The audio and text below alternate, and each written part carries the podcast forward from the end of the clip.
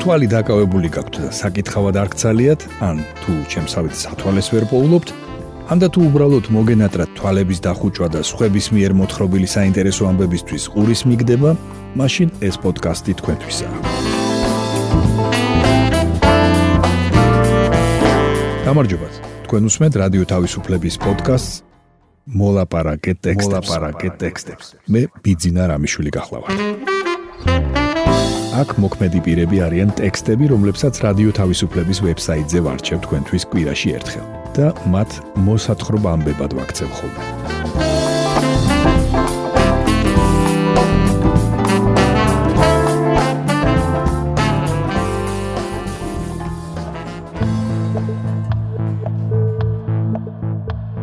გესაუბრებით სექსუალურ ძალადობაზე შეზღუდული შესაძლებლობის მქონე ბავშვების მიმართ. მოგითხრობთ იაპონელი კინორეჟისორის ჰიროკაზუ კორეედას ფილმზე ბროკერი.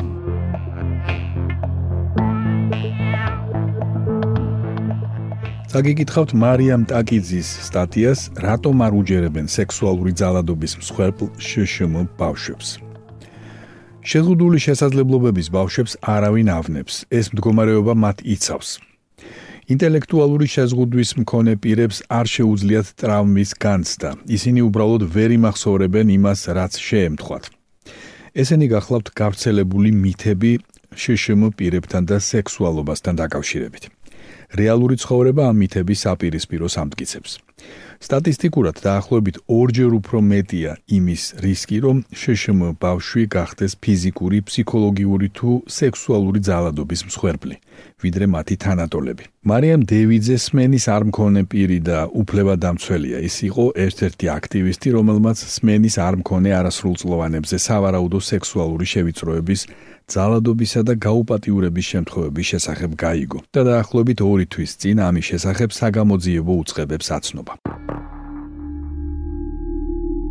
ციტატა: სმენის არ მქონე თემში არასრულწლოვანებისთვის, რომელთაც მშობლებთან ახლო ურთიერთობა არ ჰქონდათ, ასაკოვანი კაცები რაღაცებს ყიდულობდნენ და ასე ატყუებდნენ ბავშვებს. ეთყოდნენ: აი მე რომ შენ გაჭამე, წაგიყვანე, გიყიდე, კარგი იყო? შენ რას მომცემ სანაცვლოდ? ბავშვებს ეს ჩვეულებრივი ამბავი ეგონათ. მეუბნებოდნენ: მაჭმევს, მიulis, ესე იგი ნორმალურია ის, რასაც მთხოვსო. ყვება მარიამი. სმენის არ მქონე თემში შესაძლო სექსუალური ძალადობისა და მუქარის ფაქტებზე შინაგან საქმეთა სამინისტროში გამოძიება 6 ივნის დაიწყო. 7 ივნის გავრცელებული განცხადებით გაირკვა, რომ გამოძიებას ერთდროულად თბილისის, აჭარის, იმერეთის, რაჭა-ლეჩხუმისა და ქვემო სვანეთის პოლიციის დეპარტამენტებში აწარმოებდნენ. სისხლის სამართლის კოდექსის 2 გაუპატიურებისა და მუქარის 137 და 151 მუხლებით. შშმ ბავშვებზე სექსუალური ძალადობის შემთხვევების უმეტესობა დამალულია და ის იშვიათი შემთხვევებიც, რომლებიც ხმაურდება, რთულ გზას გადის. სექსუალური დანაშაულის გამოძიების დროს ხშირად საგამოძიებო თუ სხვა პასუხისმგებელი უწყებების მთავარი აქცენტი არა დანაშაულზე, არამედ ბავშვის ადეკვატურობაზე გადადის. ციტატა მაგალითად შემიძლია მოგიყვანოთ შემთხვევა, როდესაც შშმ პირის ჩვენება, რომ ძალადობა მისთვის მტკივნეული იყო, ეჭქვეშ დადგა მხოლოდ იმიტომ, რომ მან შშმ პირმა ვერ გაამრავლა 15 სამზე. ლოგიკა იყო ასეთი: თუ არ იცის გამრავლება, ვერ ეცოდინება რა იგრძნო ძალადობის პროცესში. ხშირად ამის გამო პროცესები იწელება. შშმ პირის მსხვერპლად აღიარებაც ფერხდება და მოძალადეც არ და ვერ ისჯება დროულად და ადეკვატურად. გვიყვება მაია შიშნიაშვილი, დამფუძნებელი კოალიციისა მოძრაობა ცვლილებებისთვის. შეზღუდული შესაძლებლობის მქონე ბავშვებს, რომლებიც სექსუალური დანაშაულის მსხვერპლები არიან, ხშირად არ უჯერებს არც ოჯახი, არც საზოგადოება და არც მართლმსაჯულების სისტემა. ბავშვთა და მოზარდთა ფსიქოლოგი ნათია მალანია იხსენებს შემთხვევას, როგორც ცდილობდა ინტელექტუალური განვითარების დარღვევის მქონე ბავშვი სხვადასხვა ფორმით უფროსებისთვის ძალადობის ფაქტის შეტყობინებას. ციტატა ბავშვს შეეცვალა გუნება განწყობა. ჩაიკეტა, ძალიან ძაფრად რეაგირებდა შეხებაზე. იყო შეშინებული და დამფრთხალი. თოჯინებთან და სხვა ბავშვებთან თამაში იმეორებდა მასზე ძალადობის ეპიზოდის დეტალებს. დაერღვა ძილის და კვების რუტინა. როგორც კი კომფორტულად და მეტნაკლებად უსაფრთხოდ იგრძნო ბავშვმა თავი, მერე შეძლო ჩვენთვის ინფორმაციის გაზიარება. ციტატის დასასრული. სირთულე კომუნიკაციასა და მეტყველებაში, ძალადობისგან თავის დაცვის უნარების ნაკლებობა, ან ფიზიკურად ვერ მოხერხება. ბევრი ფაქტორია, რაც შეზღუდული შესაძლებლობის მქონე ბავშვებს სექსუალური ძალადობის უფრო მაღალი რისკის ჯგუფში აქცევს.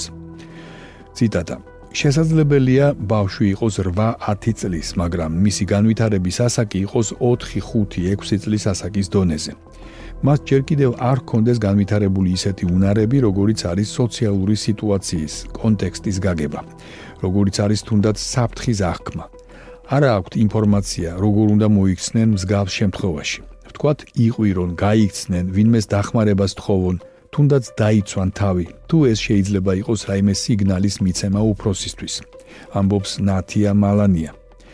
საქმეს ართულებს ისიც რომ ციტატა თითქოს მიღებულია რომ მეგობართან ნაცნობთან ნათესავთან ბავშვს მოუწოდოთ ჩაეხუტოს კალთაში ჩაუჯდეს მოეფეროს ისეთ ადამიანს რომელსაც შეიძლება მეორეჯერ ხედავს. ეს ბავშვს კიდე უფრო აბნევს. შესაბამისად მისთვის უფრო რთულია ამოიცნოს ტრიგერები რისკები განასხვაოს და ჩვენს გაგვაგებინოს. ამბობს ნათია მალანია. შეშმო პირების სექსუალური ცხოვრება უმეტეს შემთხვევაში ტაბუირებულია დეა ერემაშვილი შეზღუდული შესაძლებლობის მქონე ქალი და ორგანიზაცია შშმ ქალთა ალიანსი აჭარის ხელმძღვანელია.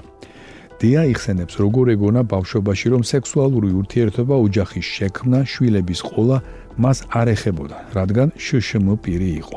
ციტატა მაშინ 90-იანებში სხვა პრობლემები იყო და არც საუბრობდნენ ამ თემებზე. არც საფრთხეებზე გველაპარაკებოდნენ. ციტატის დასასრული. დღეს დია თავად მუშაობს თემში. შშმ პირებს რეპროდუქციულ უფლებებს უხსნის.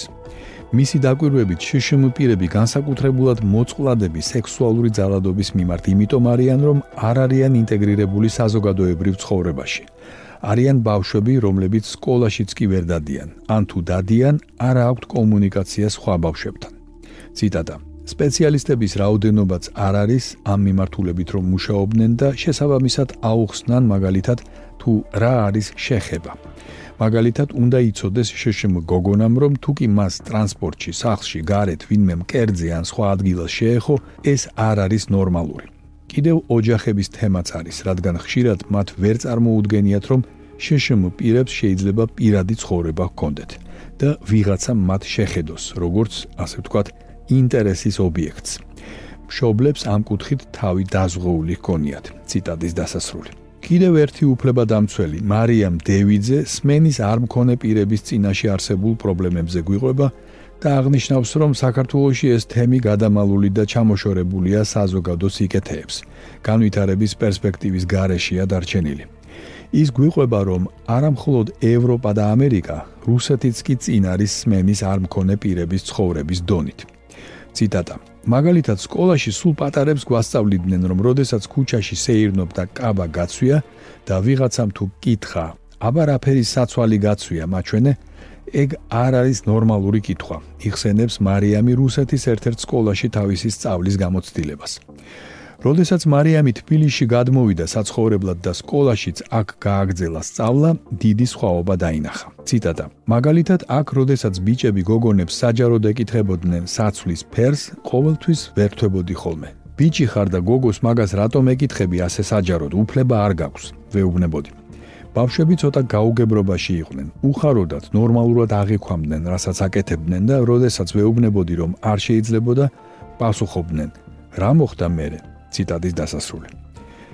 იურისტმა თამუნა გაბოძემ პროკურატურიდან გამოითხოვა სტატისტიკური მონაცემები 2016-დან 2023 წლის აპრილამდე სექსუალურ ძალადობაში დაზარალებულად ცნობილ ბავშვებზე. ამ სტატისტიკის მიხედვით ბავშვთა მიმართ სექსუალური ძალადობის შემთხვევები 2021 წლიდან გაორმაგებულია.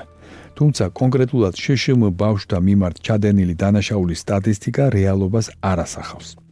ციტატა ბავშვთა მიმართ ძალადობის შემთხვევა თუ არის, მაგალითად 200, შშმ ბავშვის მიმართ მხოლოდ 2 საქმეა.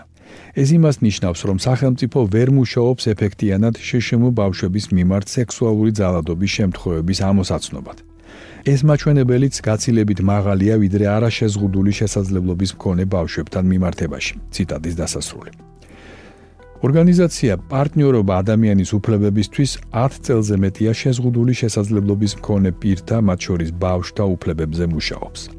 ორგანიზაციას ათეულობით ისეთი საქმე აქვს, სადაც შშმ ქალები და ბავშვები სექსუალური ძალადობის დანაშაულის მსხვერპლები არიან.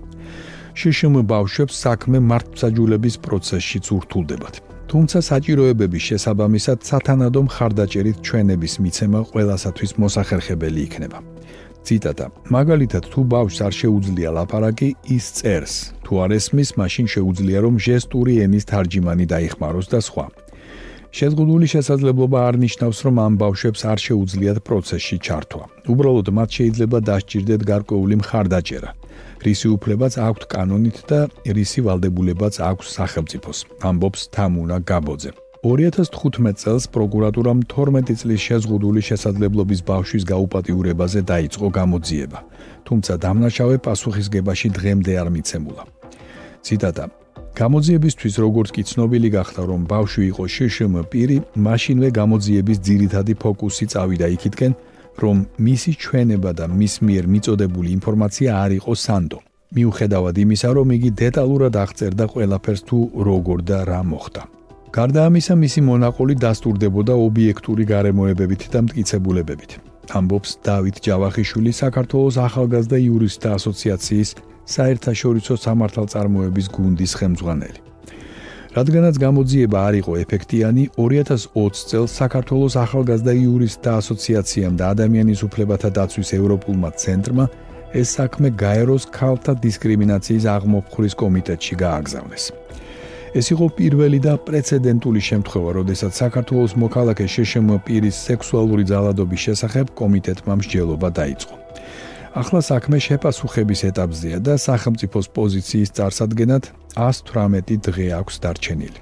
ციტატა: ჩვენი მიზანი არის რომ დადგინდეს დარღვევა. შემდეგ უკვე სათანადო რეაგირების ვალდებულება დაეკისროს სახელმწიფოს. ეს არის უდიდესი სისტემური პრობლემა, რასაც უნდა ვებრძოლოთ ყველა. იმიტომ რომ ასეთი ტიპის მძიმე დანაშაული არ შეიძლება მსგავსი გულგრილობით შეცდომით დარჩეს და ვიღაც ისეთ პირებს, ვინც მსგავსი ტიპის დანაშაული ჩაიდინა, შეერჩეთ ეს ქმედება. ამბობს დავით ჯავახიშვილი და ამატებს, რომ გადაწყვეტილების გამოტანის შემდეგ ორგანიზაცია შეისწავლის და გააკონტროლებს როგორ შეასრულებს სახელმწიფო საერთაშორისო ორგანიზაციის მიერ დაკისრებულ პასუხისმგებლობებს. შემთხვევიდან 8 წელი გავიდა და გამოძიება საქართველოსში კვლავ მიმდინარეობს.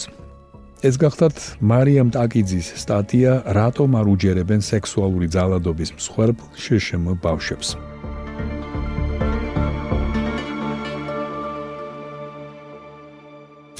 თქვენ უსმენთ პოდკასტს მოლაპარაკე ტექსტებს. ახლა წაგიკითხავთ გოგი გვახარიას სტატიას სხვისი შვილები კორეულად. 24 აგვისტოდან თბილისის კინოთეატრებში კანის კინოფესტივალის ოქროს პალმის ლაურეატის ჰიროკაზუ კორეედას ბროკერს უჩვენებენ. ამ ფილმის პრემიერა შარშან შედგა კანში, სადაც კორეედა უკვე მეტრის როლში ჩამობრძანდა. ბროკერმა ვერ გაიმეორა კორეედას მთავარი ფილმის, მაღაზიის ქურდების წარმატება. თუმცა ჟიურის იაპონელი რეჟისორის ახალი road movie შეუმჩნეველი მაინც არ დარჩა. კორეელი მსახიობი კანგ ჰო სონგი მამაკაცის როლის საუკეთესო შესრულებისთვის დააჯილდოვეს და ფესტივალის დახურვის ცერემონიაზე კორეედამაც მეორედ გაიარა წითელი ხალიჩა. დიახ, ბროკერი იაპონელი რეჟისორის კორეული ფილმია. თავიდან ბოლომდე სამხრეთ კორეაშია გადაღებული, კორეელი მსახიობებით. თუმცა კორეედას ხელწერა არანაირად არ იცვლება. გარემოს თითქოს მისთვის არც აქვს მნიშვნელობა. ისევ ოჯახი, ისევ საკუთარი და სხვისი შვილების თემა აინტერესებს. კორეა კი იმიტომ აირჩია, რომ როგორც თავად აღნიშნავს, ამ ქვეყნისთვის ფილმში დაყენებული პრობლემა ძალიან აქტუალურია. ერთი მხრივ შვილად აყვანას მკაცრად არეგულირებს იქაური კანონმდებლობა. და ამავე დროს სამხრეთ კორეაში ფართოდაა გავრცელებული ეგრეთ წოდებული ბეიბი ბოქსები. სპეციალური ადგილები, როგორც წესი, გამოყოფილი საავადმყოფოს ან ტაძრის ტერიტორიაზე, სადაც დედები ტოვებენ თავიანთ შვილებს იმის იმედით, რომ მათ ზრუნვას არ დააკლებენ. როგორც ამბობენ, ამ ყუთების დახმარებით მეტია შესაძლებლობა ბავშვი ტრეფიკინგს გადაურჩეს.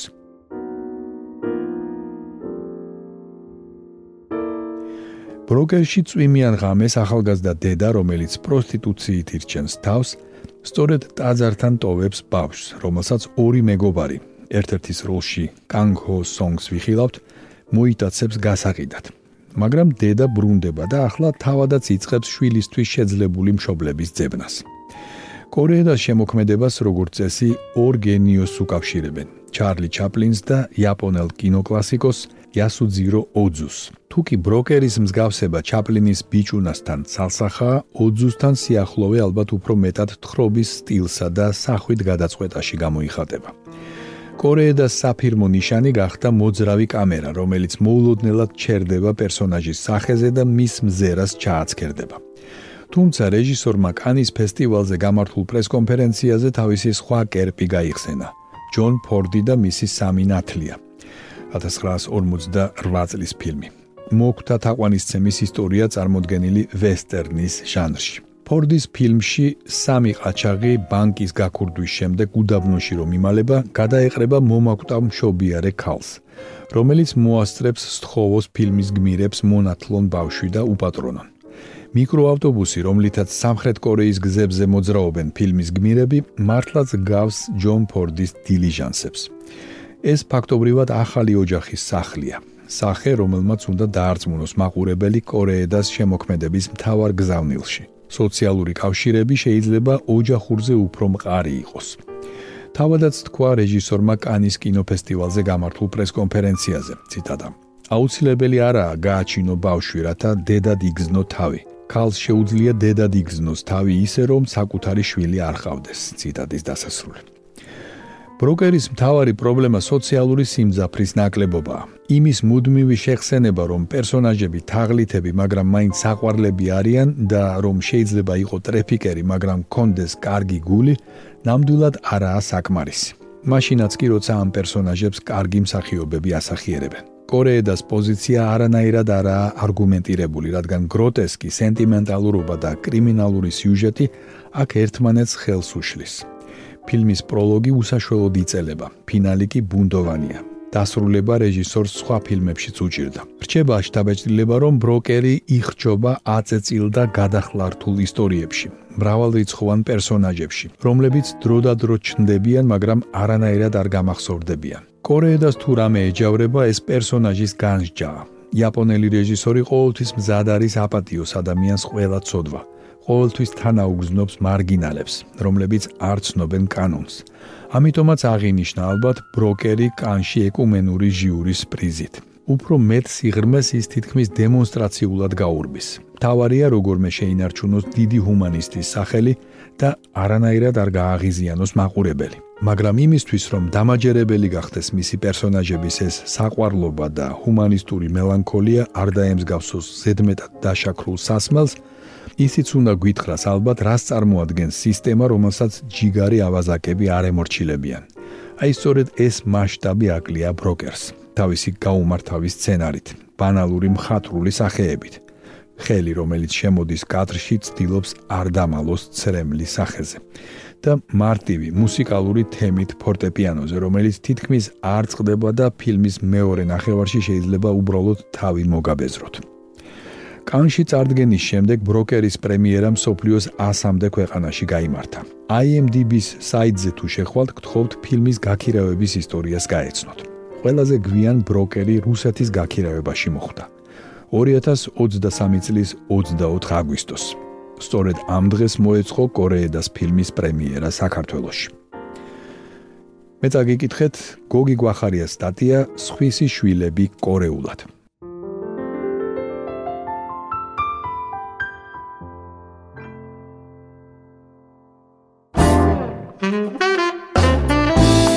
თქვენ მოისმინეთ რადიო თავისუფლების პოდკასტი მოლაპარაკე ტექსტები. მე კვირაში ერთხელ ვარჩევ რადიო თავისუფლების ვებსაიტზე გამოქვეყნებულ ტექსტებს და მათ მოსათხრობამდებად ვაქცევ ხოლმე. ჩვენი პოდკასტი შეგიძლიათ გამოიწეროთ, ჩამოტვირთოთ ან მოისმინოთ პირდაპირ რადიო თავისუფლების ვებსაიტზე. მისი მისამართია თავისუფლება.ge. თუ ჩემი მიერ მოთხრობილი ტექსტები სრული სახით დაგაინტერესებთ, მათი მოძებნა იულია. ვებსაიტზე, პოდკასტის გვერდზე იპოვით ყოველ ცალკეულ პროგრამაში მოთხრობილი ტექსტების ბმულებს. მე ბიძინა რამიშვილი ვარ. მომავალ შეხვედრამდე.